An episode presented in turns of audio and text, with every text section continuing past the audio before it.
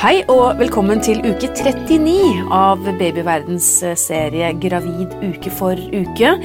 Nå nærmer vi oss veldig termin, og i denne episoden skal vi snakke om det som skjer på fødestua etter at babyen er ute. Hva kan du vente deg da? Det skal jordmor Anette Hegen Mikkelsen snakke mer om. Og legen vår, Tilde Broch Østborg, hun skal snakke om blødninger og sying etter fødselen. Eh, men før vi kommer eh, til det, Tilde, så syns jeg vi skal eh, snakke om noe som er litt hyggeligere, og det er jo babyen. Uke 39. Jeg har sagt det i mange uker nå, syns jeg, men nå nærmer det seg veldig. Nå begynner den å bli stor. Nærmer seg og nærmer seg. Aldri ja. vært så nære som nå. Nei da, eh, vokser fortsatt, eh, men er jo nå klar for eh, Jeg holdt på å si godt og vel klar for å bli født. Um, Lanugo-håret, altså dette fine hårlaget som, som barn har når de er mer premature, det er forsvunnet nesten fullstendig. Ja, For den har hatt litt sånn pels? Den har hatt litt sånn pels. Ja, Den er borte? Den er stort sett borte. Mm. Man kan se litt rester av det i hudfolder. Um, har ca. 3,4 kilo nå. I snitt. Og, og, så lærte jeg i forrige episode at uh, snittvekten uh, for fødsel er 3,7. Ja. ja. Så den har fortsatt litt å gå på. Fortsatt litt å gå på. Håper den blir inne litt til, selv om mor kanskje er litt utålmodig etter å føde nå. yes. Vi har jo gått gjennom i tidligere episoder både fødselens ulike faser og hva man eh, skal gjøre hvis fødselen av ulike grunner stopper opp. Da er det jo både tang og vakuum man kan få hjelp til. Uh, og så vet vi jo da at noen, eller det mange er redde for, det er dette med rifter. Eh, og sying etterpå. Det høres jo ikke spesielt behagelig ut etter at man har presset ut en, en baby. Eh, også dette med blødninger og under, eh, under fødsel, er det vanlig? Ja, jeg begynner å slå meg at det er liksom jordmor som får alle de hyggelige temaene. Jeg må liksom ta alt det som kanskje ikke er fullt så hyggelig, men ja. Um, vi kan snakke litt grann, Vi snakket jo litt om etterbudsfasen, altså den fasen som er rett etter at barna var født i eh, forrige podkast. Mm. Men uh, vi kan gå litt mer inn i denne etterbudsfasen nå. Da er det uh, sånn at morkaken skal ut, og livmoren skal trekke seg sammen. Og det er vanlig å regne at morkaken er ute innen ca. en halvtime etter at barnet er født. Der vil nok jordmor følge med nøye, kjenne på magen, se om morkaken er løs og sånn noen ganger i løpet av den tidsperioden. Og grunnen til det, det er at um, det å blø etter fødsel eh, er ikke helt uvanlig. Det er ca. 10% som blør litt mer enn 500 ml etter fødsel. En halv liter, rett og slett? En halv liter, og det er helt, normal, det er helt normalt å blø, eh, blø opptil en uh, halv liter. Det tåler man godt.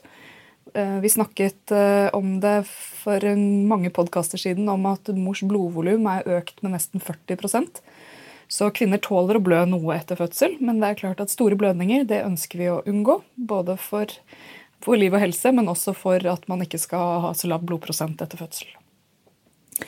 Og da er det eh, sånn at På de fleste sykehus så tilbys man å få en sprøyte i låret med et eh, stoff som gjør at livmoren trekker seg bedre sammen. Det er i utgangspunktet et valgfritt tilbud. Det gis forebyggende. Men har man først begynt å blø, så vil jeg absolutt anbefale at, eh, at det gis. Men frem til det så er det i utgangspunktet helt valgfritt. Det er ikke alltid man får eh, man, det informerte samtykket i det er kanskje ikke så alltid så uttalt. Det sies kanskje nå får du en sprøyte i låret. Så hvis man absolutt ikke vil det, så kan det være greit å ha skrevet det i forkant i fødeplan. Men er det noen grunn til at man ikke skulle ville ha det? Nei, det er jo eh, jeg tenker at det er en relativt liten inngripen som forebygger blødninger. Eh, men noen ønsker ikke unødvendig tilskudd av eh, hormoner etter fødsel. Så det er klart at noen, For noen er det viktig å ikke gjøre det. Men de fleste kvinner de fleste kvinner har nok ikke noen sånn veldig sterk formening om det, men det kan være greit å ha skrevet ned hvis man virkelig ikke vil. Mm, ok. Mm. Så Det er den biten. Og så er det barnet får også en sprøyte med K-vitamin. Um, det er sånn at eh, K-vitamin er et stoff som gjør at blodet eh, kan levre seg. Og det dannes av bakterier i tarmen. Vi har jo snakket om tidligere at barn er, eller nyfødte spedbarn er helt sterile i tarmen sin. Så de lager ikke dette K-vitaminet. Um, og man har sett at det å gi en, enten dråper eller injeksjon med K-vitamin forebygger uh, en veldig sjelden, men eh, fryktet tilstand, som er blødninger hos nyfødte. Så det, der vil jeg nok uh, um, Igjen, alt i fødselsomsorgen er valgfritt, men der vil jeg nok eh, sterkt oppfordre til at man gir barnet K-vitamin. Mm. Okay. Så det var blødningene? Det var blødningene. Og så er det sånn at Noen blør mer etter fødsel. Eh, noen få prosent ble mye etter fødsel, men de fleste sykehus, eller alle sykehus i Norge har gode rutiner og retningslinjer for å håndtere det hvis det skulle skje. Akkurat. Men dette med revning og sying er jo også noe som eh, mange er opptatt av etter fødsel. Det er det. Um, og der har uh, man i Norge gjort et, et, stort arbeid de siste 15 årene med å få ned alvorlige rifter ved fødsel. Er man førstegangsfødende, så er det relativt vanlig å få en riftgrad 2. Um, vi kan ta gradene først. Ja. en riftgrad 1 er en overfladisk rift i slimhinnen. Um, krever ofte ikke engang noe sting. En riftgrad 2 det går noe inn i muskulaturen rundt skjedeåpningen. Um, en riftgrad 3 eller mer det er en rift som påvirker endetarmsmuskulaturen. Og det er de alvorlige riftene som vi prøver å unngå med å støtte, med å coache i trykketiden uh, og sånn. Men som også er, altså, rammer kun en, et eller annet sted mellom 1 og 3 Og det viktige er å oppdage de og få behandlet de hvis de skulle forekomme. Men når du sier oppdage, er ikke det noe man ser under fødsel? Jo, eh, men man har mer og mer fokus på grundig inspeksjon før man begynner å sy. Altså at man, eh, at man er veldig veldig nøye med å se altså det er fordi Muskulatur er ikke så lett å skille fra hverandre når det er eh, blod og, og sånn. Mm. Så det å, det å kikke nøye før man begynner å sy, er viktig. Men Så de fleste kan nesten forvente seg en riftgrad 2, da, eller? Lite grann? Jeg tenker nok at det er en, en fornuftig eh, tilnærming, fordi det er såpass vanlig. Um, så er det jo også veldig mange som spør ja, hvor mange sting skal du sy. Uh, og uh, vi syr på en måte ikke ett og ett sting nødvendigvis. Vi syr eh, det vi kaller fortløpende, sånn som du, du ville sydd sammen to ting. Så det er ikke, ikke så pent. jo, vi, syr, vi, prøver å sy det så pent vi overhodet kan. Men, men det er ikke alltid så lett å på en måte kunne si hvor mange sting Eh, det blir. Men jeg tenker på sånn millimeter-centimeter-basis. hvor, hvor, stort område snakker vi om? Um, nå har vi jo først og fremst snakket om rifter i mellomkjøttet, som er de riftene vi er mest opptatt av fordi de har langvarig konsekvens. Det kan også forekomme rifter i skjeden. Uh, de kan måtte sys. Og man kan ha rifter i indre kjønnslepper, uh, eller ytre kjønnslepper som må sys. Så de kommer utenom. Men er det sånn at man kan forvente at alt dette blir oppdaget rett etter fødsel av jordmor? Ja, Eh, jordmor skal alltid gjøre en grundig inspeksjon av hva som finnes av rifter før hun begynner å sy. Og så kan, man sette rikelig med lokalbedøvelse, som man kan la virke før man begynner å sy. Ja, for det var mitt neste spørsmål. Hvor vondt gjør det? Ja, ikke sant? Eh, og det er veldig ulikt eh, fra, fra, kvinne til kvinne, men her skal man ikke være redd for å be om mer bedøvelse. Man skal Jeg mener at man skal tilstrebe at kvinnene er tilnærmet smertefri mens man syr. Helt fullstendig smertefri får man nok ikke til. Men, men, man skal i hvert fall ikke spare på lokalbedøvelsen. Men Hvor lenge sitter disse stingene i? Forsvinner de av seg selv, eller hvordan blir tiden etter man har sydd? Veldig godt spørsmål. Eh, det sys bare med sting som løser seg opp av seg selv. Så det er ikke noen sting som skal fjernes. Eh, stingene sitter i, i uker. Eh, hvis man har sydd rundt endetarmsmuskulaturen, så sitter de mer enn fire uker før de løsner. Og det er ikke alle som faller ut heller, men de løser seg opp på en måte i dypet av, av riften. Akkurat. Men er det vondt i ettertid også? Um, det, er, det, vil være en løgn å si nei til det. Det er klart at Har man hatt en ordentlig rift i forbindelse med fødsel, så kan det være skikkelig ubehagelig. Mm. Så hører vi jo noen sånne skrekkeksempler som, som sliter i lang tid etterpå.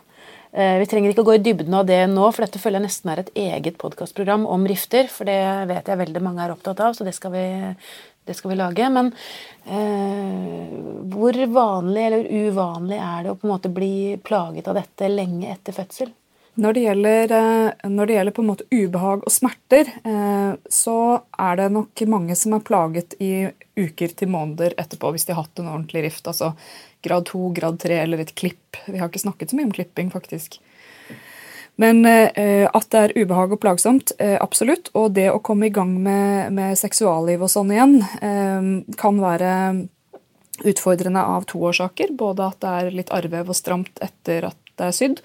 Men i tillegg at i perioden etter fødsel så har man veldig lite østrogen, sånn at slimhinnene er ofte veldig tørre og såre. Så der er det ofte litt tålmodighet som skal til. Når det gjelder disse store, altså disse ordentlige riftene mot endetarm, som vi kaller for sfinkterrupturer, så settes alle opp til en kontroll i etterkant av at man har hatt en sånn rift, pluss fysioterapi og, og annen, annen behandling. Det er eh, sjelden at man får eh, varige plager i forhold til å skulle holde på luft og avføring, men det forekommer. og Det er derfor vi har disse kontrollene, og, og, også mulighet for å kunne behandle det i etterkant. Og det er hjelp å få? Det er hjelp å få. Det er kjempeviktig at hvis man opplever, eh, opplever eh, plager av den typen etter en alvorlig rift, så må man ta kontakt med sykehuset.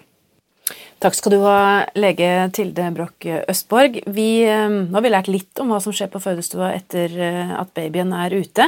Eh, jordmor Anette Gen Mikkelsen skal snakke mer om dette ut fra et jordmorperspektiv etter pausen.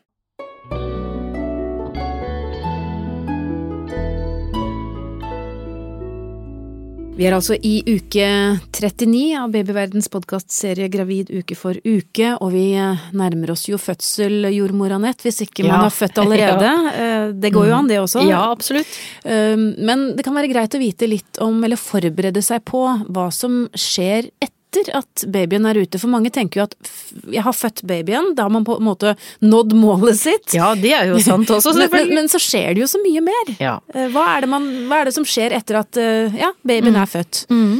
Ja, altså når jeg har uh, fødselsforberedende samtaler med par, så pleier jeg å poengtere og si til den som er partner i denne sammenhengen, at du må huske at når barnet kommer ut, så kan man bli litt forskrekka. Fordi at uh, barnet, eh, det nyfødte barnet, ser eh, ganske dårlig ut, på en måte. Ja, men de er jo så Ofte. vakre, er ja, ikke det? Ja, de er det. Kanskje etter noen minutter, mer enn akkurat idet de kommer. Fordi at da er det ganske mange barn som er ganske blå rett og slett, over hele kroppen, og kanskje spesielt i ansiktet. Er det noen spesiell grunn til det? Eller? Ja, de har veldig stor opphopning av CO2 i blodet, og det skal de ha. Altså, livet inni magen eh, er litt annerledes enn utenfor. Så det er helt naturlig? Så det er helt naturlig at, at de er litt blå, da. Men det kan være skremmende, kanskje? Men det kan jo være skremmende. Og så er det noen som har litt sånn merkelig form på hodet. Eh, fordi at eh, eh barna har stått nede i fødselsskandalen ganske lenge noen ganger, og da da har de et eh, veldig sånn høyt eller merkelig De har det som vi kaller for fødselssvulst. Det høres jo ja. helt forferdelig ut. Det har lege Men, Tilde snakket ja, litt om også. Ikke sant, så mm. da vet vi litt om det. Har ikke noe med svulst å gjøre. Nei, det har ikke det. Men det er i hvert fall sånn at barnets hode kan være veldig skeivt, eller det kan være en veldig sånn stor klump på en måte på ene siden av skallen, og det kan jo se veldig merkelig ut. Og så er det noen barn som kommer ut da, ikke puster noe særlig sånn som det ser ut, ikke sant, og, og um, ruller med øynene eller åpner øynene øynene og, og, gjør en del sånne grimaser i ansiktet som ser ut som de er i ferd med å, å dø, rett og slett. Og, og, det, det, det, det, altså, og det er det jo sånn at hvis, hvis man ikke er forberedt på at barna ser eh, ut som de ikke har det særlig bra, da, for å si det sånn, når de kommer ut, som pappa, så vet jeg at det er en del som syns at det ser veldig skremmende ut, da. Og så venter vi jo at babyene skal skrike med en gang. Ja, og det behøver de jo ikke heller. Nei. For da må vi også huske på at den er jo kobla på navlesnora, og gjennom navlesnora så får jo barnet fortsatt oksygentilførsel. Eh, så det er en sånn dobbelthet i det ungen kommer ut som gjør at den har litt reservekapasitet før den begynner å trekke inn, altså lungene utvider seg, og den begynner å trekke inn oksygen sjøl. Mm, du nevnte navlesnora. Er det det er mange nå som er opptatt av at den skal øh, avpulsere. Mm. Uh, at blodet på en måte skal ja. pulsere ferdig før man kutter navlesnora. Ja. Kan du si litt om det? Ja, altså vi er vel som jordmødre nå etter hvert blitt veldig oppmerksom på at det er veldig nyttig og veldig bra at det får pulsere ferdig i navlesnora inntil man klyper av. Så som hovedregel så prøver man å etterstrebe det. At det pulserer ferdig, og det kan jo ta flere minutter. Eh, og hvis det ikke er noe krisesituasjon, eller det er noe vanskelig situasjon sånn for øvrig med barnet, så pleier man vanligvis da å ta barnet opp på mammaens mage og forholde seg i ro og vente til eh, det har slutta å pulsere i navlesnora, at den blir helt sånn blek, og man kan faktisk som foreldre kjenne at det slutter å pulsere, og hvis man vil det. Men når den blir helt blek og, og uten uh, noe ja, pulsasjon, mm. så, så um, spør man da gjerne partneren om har du lyst til å klippe navlesnora, og det Er det litt sånn symbolsk handling? Ja, det, det kan du si. Noen ganger så tenker jeg at er vi som jordmødre for opptatt av det, og det ikke Ja. betyr så mye for den som er partner. Men på en annen side så får jeg vel respons på fra tid til annen at eh, akkurat det der å klippe navlesnora og frigi barnet fra mors liv på et vis, og inn til den nye verden som barnet skal inn i, det kan føles symbolsk, ja, eh, fint Ja. for partneren. Jeg tror ikke mannen min gjorde det, men jeg tror Nei. han lever godt med det òg. Så man må ikke, Ja. hvis man syns det er litt sånn Man kan si rart. nei. Ja, det er kanskje litt eh, viktig å, å si fra om at eh, nei, det syns jeg ikke er ålreit, nei, det syns jeg er ekkelt, det vil jeg ikke gjøre. For jeg tror nok spørsmålet kommer. Ja. Um, bare igjen to ord om dette med pulseringen. Hvorfor gjør vi det? Er det for at det er en del viktige stoffer i dette blodet som vi Ja. ønsker at barnet skal få Ja. med seg? Det fins eh, ganske relativt sett, altså blod eh, Barnet har jo ikke så stort blodvolum. Sånn at eh, det som er igjen på barnets side av morkaka, altså som tilhører barnet, for å si det enkelt, det blodet som tilhører barnet, vil man at skal pulsere inn i og bli, eh, bli med barnet ut i verden videre. Sånn at den får med seg alt sitt blod, på et vis. Eh, før, det, før vi klyper av, eller før vi avnavler, da.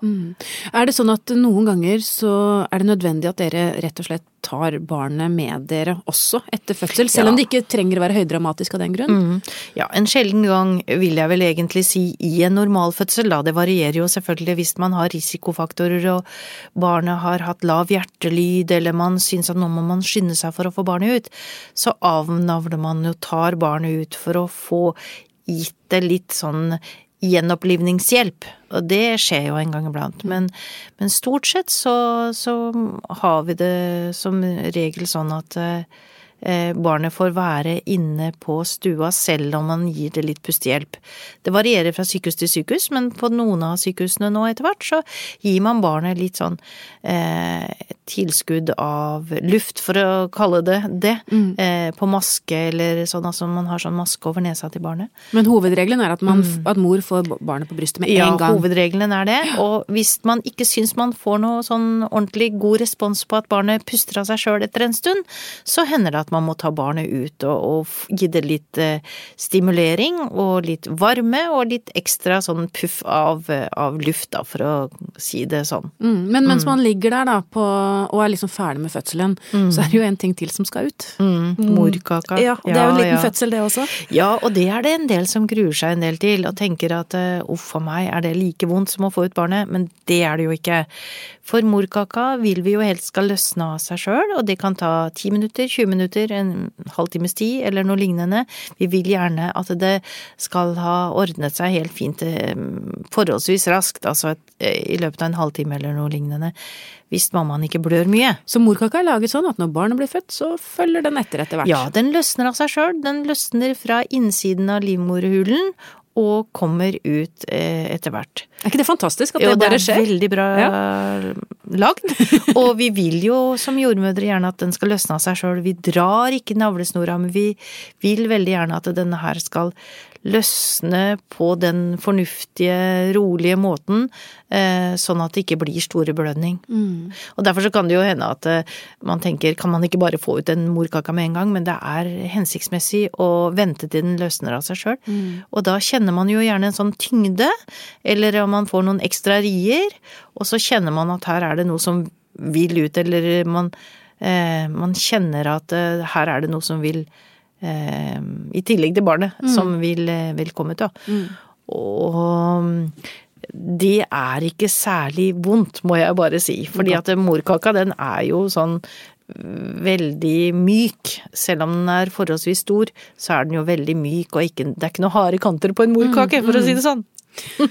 Og så etterpå så er det vel bare å nyte stunden, da? Er det ikke det? komme, Ja, ja, vi har snak ja, snakket litt om sying, så vi trenger ikke å si mer om det. Eh, hvis noen trenger noen få sting, så får man det mens man ligger der. Eh, ellers så husker i hvert fall jeg at jeg fikk brødskiver og et flagg. Ja, er ikke det fint? Og da var livet egentlig ganske ja, greit. Ja, ja. ja, altså når det gjelder sying da, så er det jo sånn at hvis det er en liten rift, så syr jo jordmora sjøl. Altså det er vi lært opp til. Men hvis det er større rifter, eller man trenger noen type vurdering i forhold til hvor mye er det som må repareres her, mm. så får man jo gjerne litt eh, hjelp av eh, nærmeste lege. Eh, men man skal ha god bedøvelse, og man skal Man tar dette her gradvis og pent og forsiktig, samtidig som mammaen kan kose seg med babyen. Så det går som oftest veldig bra, det da. Mm. Og så er det bare å Ja, ja, mange trenger kanskje en dusj og få litt hjelp ja, til det. Men eh, da er vi inne i det der, som jeg sier, de første to timer. Mm. Da tenker jeg at da tror jeg faktisk man skal blåse i den dusjinga. da blir man liggende og ja, nyter? Man får eh, Det kommer jo ganske mye blod ut, og det er normalt og riktig at det tømmer seg bra da. Så får man bare heller ha på seg en stor bleie og noe godt under, og så blåse i at det er At man kanskje kjenner at her kommer det mye blod ut, for dusje får man gjort etter hvert. Så man blir ikke flyttet, man blir liggende på fødestua i de to, ja, tim to timene? Ja, vi har eh, regler på det. Mm. Eh, vanligvis, i hvert fall. At eh, så lenge det er god tid på fødestua og det ikke er veldig stress i avdelingen, så blir man liggende på fødestua i to timer og får eh, kosa seg med babyen sin og partneren for også være tett på i den situasjonen. Mm. Og litt mat trenger man jo som ofte, som du sier. Mm -hmm. eh, og tørre brødskiver fra sykehuset fungerer aldeles utmerket, tro det eller ei. Kjempegodt, husker du fortsatt. Ja. ja. og det går helt bra i den sammenhengen. Ja. Eh, og så etter hvert eh, som det har gått noen timer, så vil jo barnet gjerne naturlig bli veldig trøtt, og mammaen også. Og det rare er at like etter at babyen har blitt født, så er det akkurat som mammaen våkner til igjen. Selv om man er veldig sliten og trøtt før babyen kommer. Så får man et sånt veldig kick. Det er hormonielt, mm. og som gjør at man eh, vil gjerne ha barnet tett innpå og være våken eh, et par timer like etter en fødsel. Takk skal du ha, jordmor Anette Hegen Mikkelsen. I neste episode så er vi jo da i uke 40 og denne magiske termindatoen. Visste du at bare 5% faktisk føder på selve termindatoen? Det er altså 50% sjanse for at du har født allerede, og også 50% sjanse for at du går over tiden. Og det skal vi snakke mer om i uke 40. Og da skal også Anette komme tilbake og snakke om eh, barseltiden, altså tiden eh, de nærmeste dagene etter fødselen, enten du er eh, på sykehuset fortsatt eller velger å reise hjem. Hvis du vil ha mer og troverdig informasjon om graviditet og småbarnstid, finner du mange tusen artikler på babyverden.no. Last gjerne ned appen vår Gravid og barn, så kan du følge din babys utvikling uke for uke, både før og etter fødsel. I appen finner du også artikler, morsomme verktøy, gode tilbud og selvfølgelig også alle podkastepisodene våre. Som medlem i Babyverden får du også ukentlige nyhetsbrev med masse nyttig informasjon om både deg og babyen din, og tilgang til vårt populære diskusjonsforum. Våre medlemmer er også med i trekningen av flotte premier hver måned helt fram til barnet fyller ett år. Alt er selvfølgelig helt gratis. Det er også Babyverden som utgir Spedbarnsboken, som du kanskje har hørt om. Vi har gitt ut Spedbarnsboken gratis helt siden 1964, og den får du på de fleste sykehus etter at du har født. Men hvis du vil ha boken tilsendt i posten før fødsel, kan du bestille den via babyverden.no eller appen vår.